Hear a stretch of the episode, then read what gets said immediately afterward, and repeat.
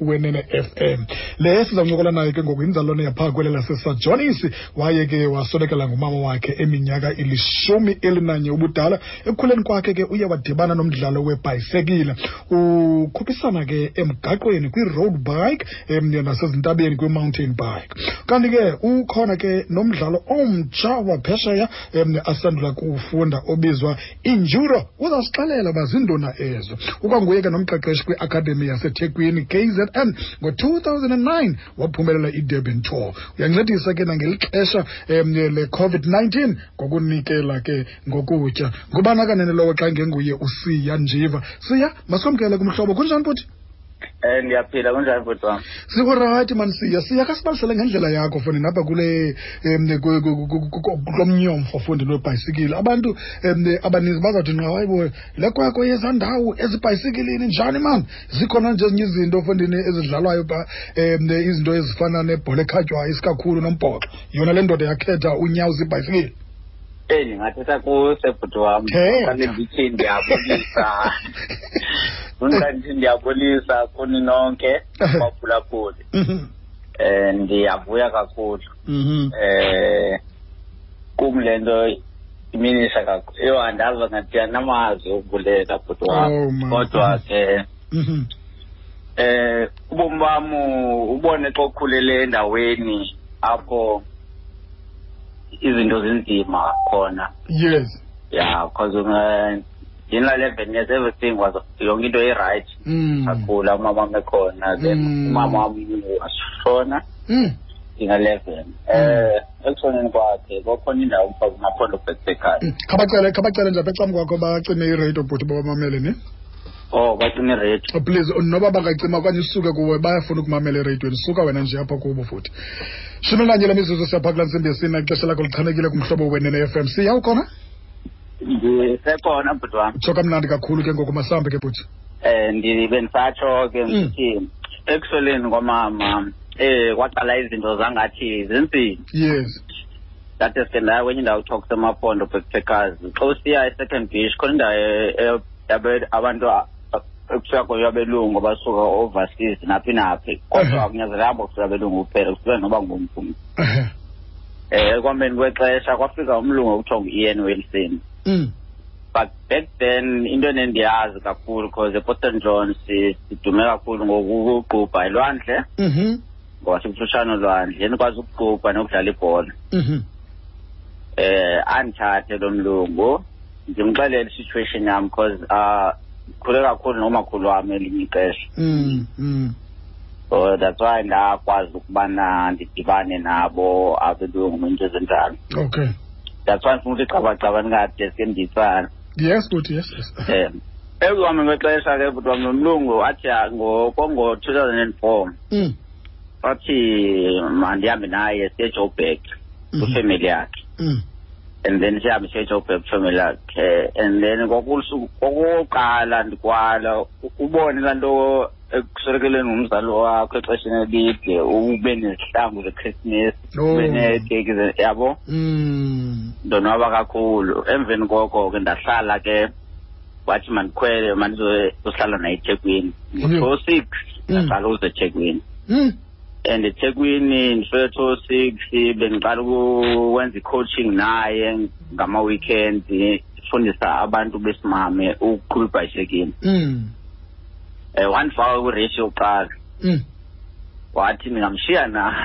Ndathi ndathi ke mna masibe phaa andiyiqhelanga kodwa into endisho ngathi ndizoyigqiba lo twenty kilometers okay. Um hayi irayithi ibhayiki ibhayiki ondinike yona kwakuyibhayiki nje Mm. mhlawumbi ongayithenga i-thousand rand Okay. kudala imali enkulu le Mm. Mm. Mm. hayi ndiyiqhubeke le bhayisekile hayi i-first prize yam ke ndawina i remember kwakuyibhegi encinci ecooler box Mm.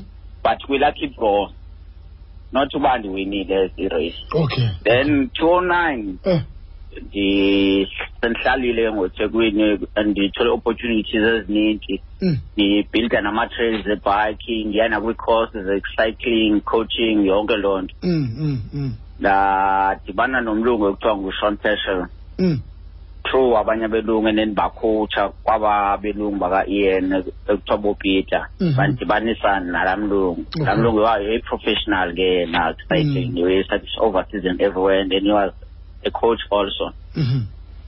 so ndadibana naye nam ke ngoba sendisazi into ezininji ngokurayida ngokubuilda ama-tracks ebhayisekile ngoba kuthiwa kuye kuthiwe kule industry ebhayisekile Mhm. kufuneke into xoyi- xoyidlala ukwazi nokuyenza okay Yeah, so xa wakwazi ukwenza ama-trail then uyakwazi ukwenza bhetere and uyakwazi ukwenza into ezininzi Ah. Eh kwahamba ke xa two nine ndidibene nalo mlungu lo ungushon castle Aha.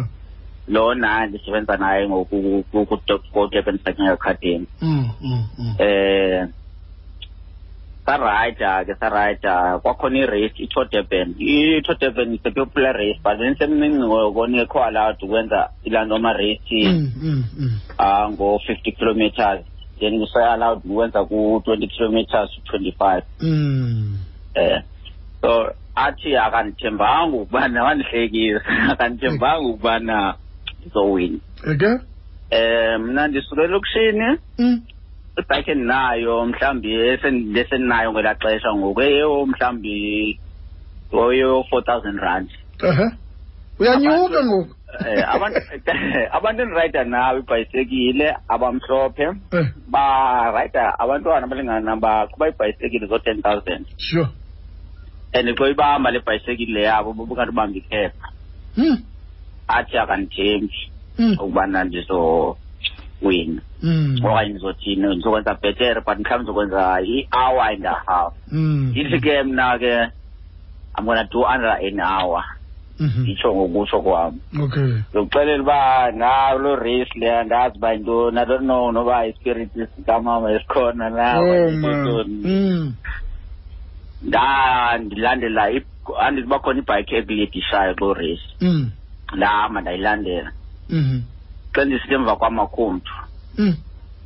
xa ndibuza kulo mlungu wephambi kwam ehamba ngebha- ngesithuthuthu athi you the leading guy Mhm. kule race Mm. yho zandibuye ndijonge emva Mm. Mm. Mm. nditsho nawo manzi la waselwa kakhulu uyasela uyadla zandiyihle ndasela imane ndisela nje imane Oh. ndisela nje ndingadli nokudla ndiqonda uba ndifuna ukuyofika njengoba Mm. sendingokuqala ndifuna uyogqiba kuqala Mm. hayi ndafika ndayenza ke leyo race kwa- ndikhumbula kwangu ndenza u-fifty nine minutes Mm. under i-hour leyo ethe ngendiyenza Mm. wasurprise and then i won my first prize Mm. I win thousand rand and i got a trophy. Ndathi wow. Yho, le- imali enkulu leyo. uh, this is exciting.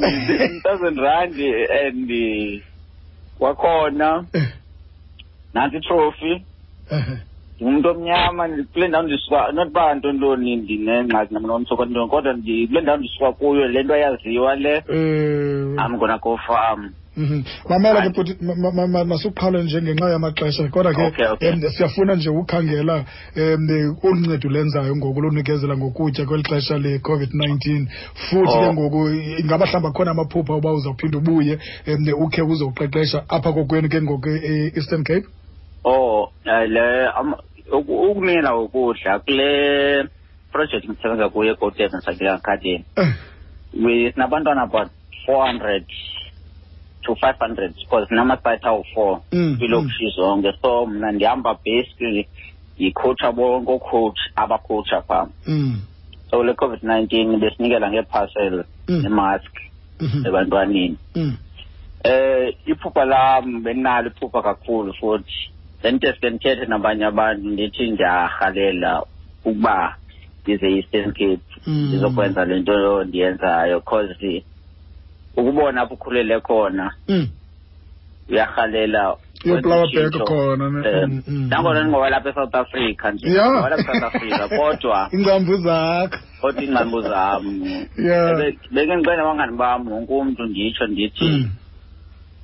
Suku loba lunye ndizawufika st john ndizoyenza le nto kuba ke beke ndidibana nabantu abasemonti xa Mm. ndiye nabantwana bam balapha eCape- town Mm. abalapha edurban Mm. ndiye kuma-final espan ejoburg ndidibana nabantu basemonti ndisendincokole nabo noba sebhayi nawaphi naphi nabo Mm. abanye ndireyisa nabo kule race biset up one two years le-two days Mm, mm, into ezinjalo okay umakhulu usaphila yena eyi umakhulu washona umakhulu Okay. eh ekhaya ndishiyeke nezihlobo kwanje Oh. eh izihlobo zami Mm, eh nobhuti wam kunye no-ankile wami endimthanda kakhulu kuthiwa ngumamini ufakanini okay. Eh ya.